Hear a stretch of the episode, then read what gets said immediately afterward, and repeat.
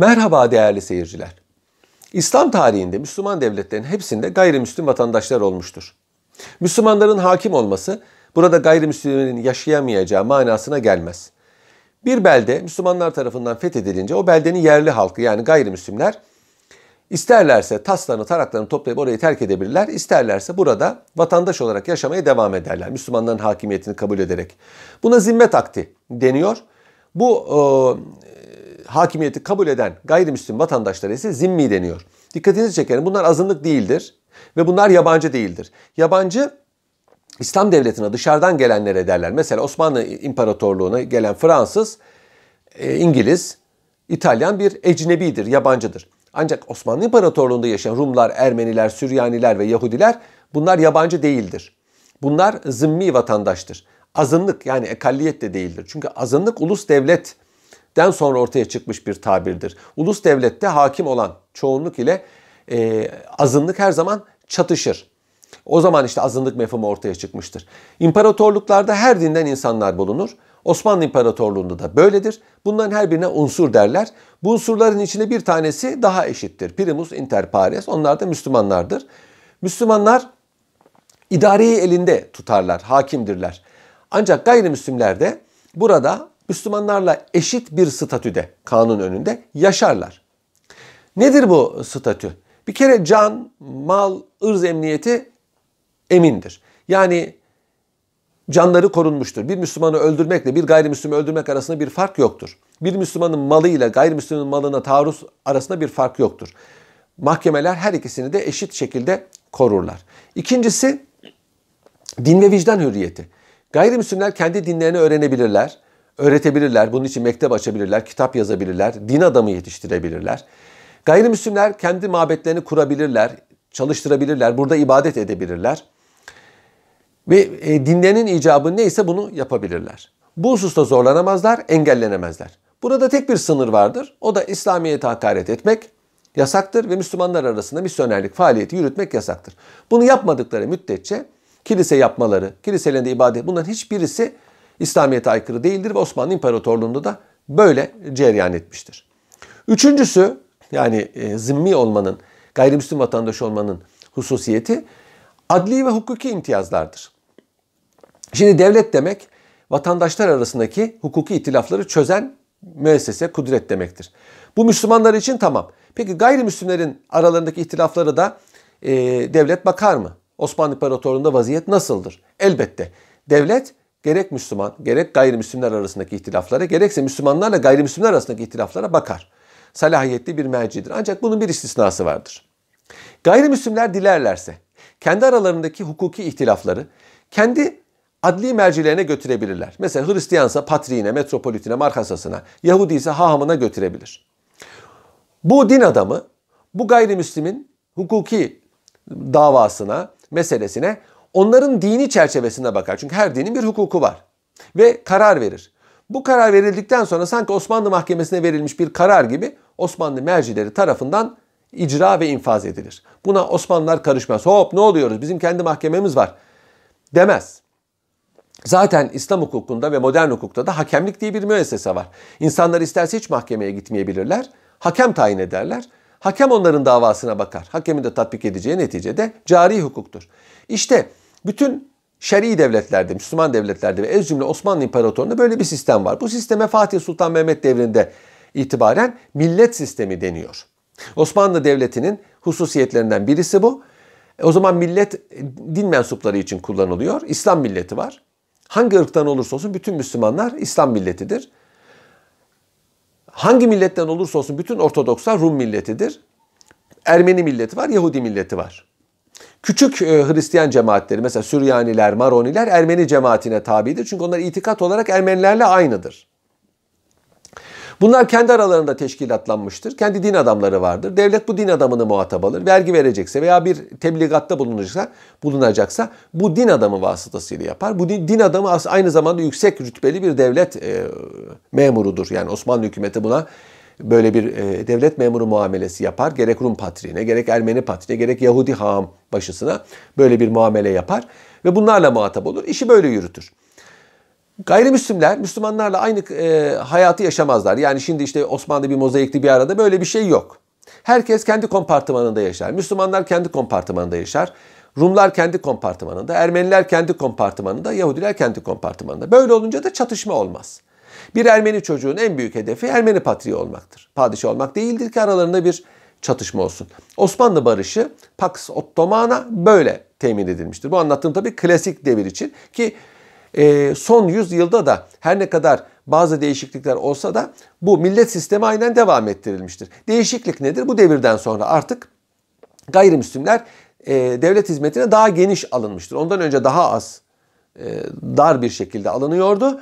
Tanzimattan sonra artık bilhassa 1856'dan sonra gayrimüslim vatandaşların yani Ermeni, Rum ve Yahudilerin devlet hizmetinde çok daha geniş bir şekilde istihdam edildiğini görüyoruz. Ordu müstesna. 1909'dan sonra artık orduya da e, gayrimüslimler, gayrimüslim vatandaşlar alınmıştır. Şimdi bu e, gayrimüslimler kendi aralarındaki hukuki davaları kendi mercilerine götürür dedik. Burada kendi dinlerinin hukuku tatbik edilir. Ve bu verilmiş kararları Osmanlı mercileri icra ve infaz eder. Fakat klasik devirde bununla alakalı enteresan tatbikatlar var değerli seyirciler.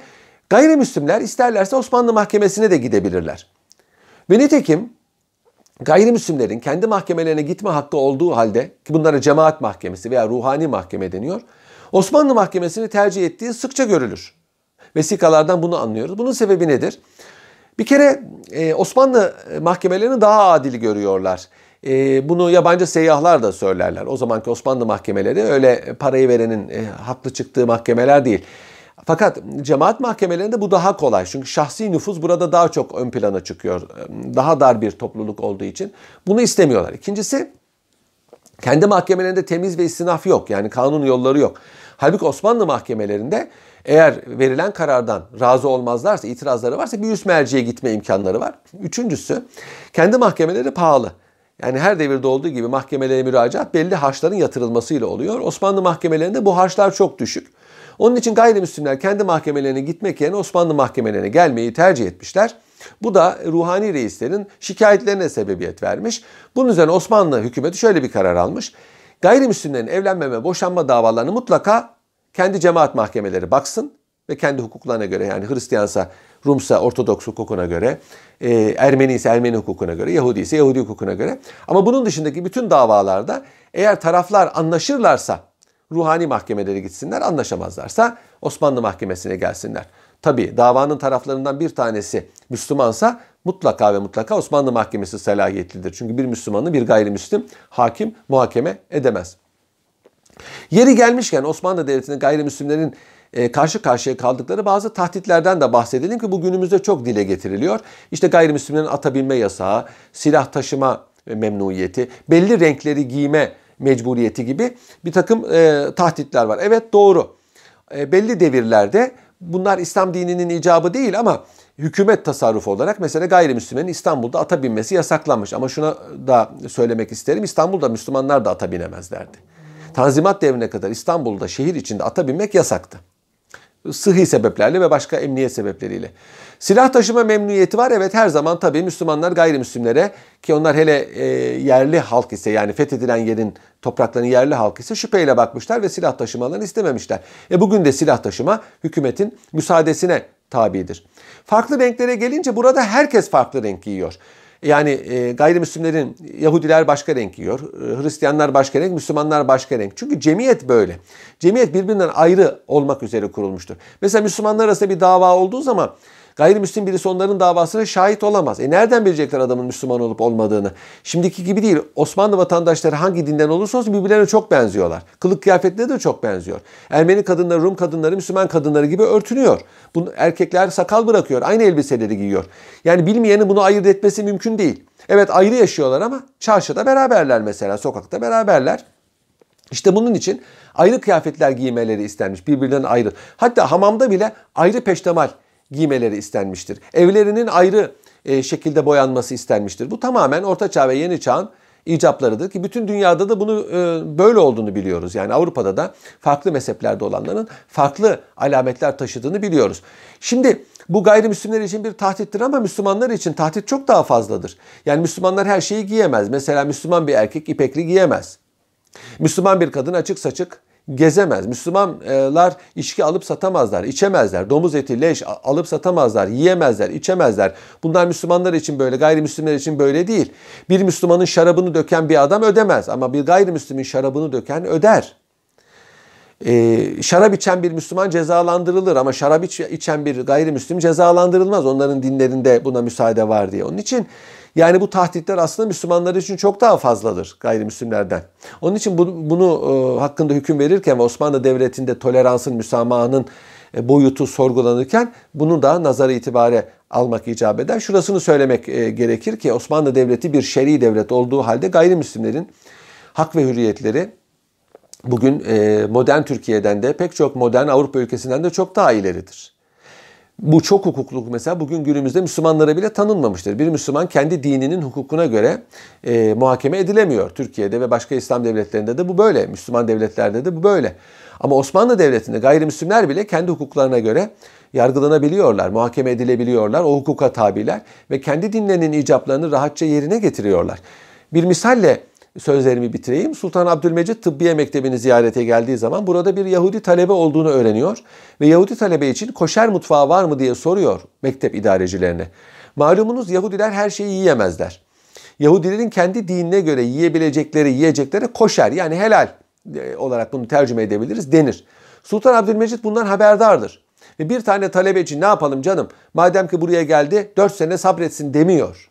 Halbuki bizde bir zamanlar böyle demişlerdi üniversitelerde demiyor ve o çocuk için bir tane talebe için koskoca tıbbiyeye koşer mutfağı konu, kuruluyor. Ne demek koşer mutfağı? Bir haham aşçı o çocuk için ayrı yemek hazırlıyor. Ve bu çocuk için cumartesi günleri yani sept gününün tatil olmasını padişah emrediyor. Çünkü dininin icabı bunu emreder. Osmanlı donanmasında az da olsa gayrimüslim e, askerler vardı. Bu askerler için mesela Paskalya'da, Noel'de Osmanlı donanması açık denizde ise en yakın gayrimüslim limana yanaşmak mecburiyetindeydi. Yani o asker Paskalya ve Noel ayinine kiliseye gidebilsin diye. Bunu bugün modern devletlerde düşünmek bile neredeyse imkansızdır. Bu Fransa için de böyledir, Türkiye için de böyledir. Hoşçakalın değerli seyirciler.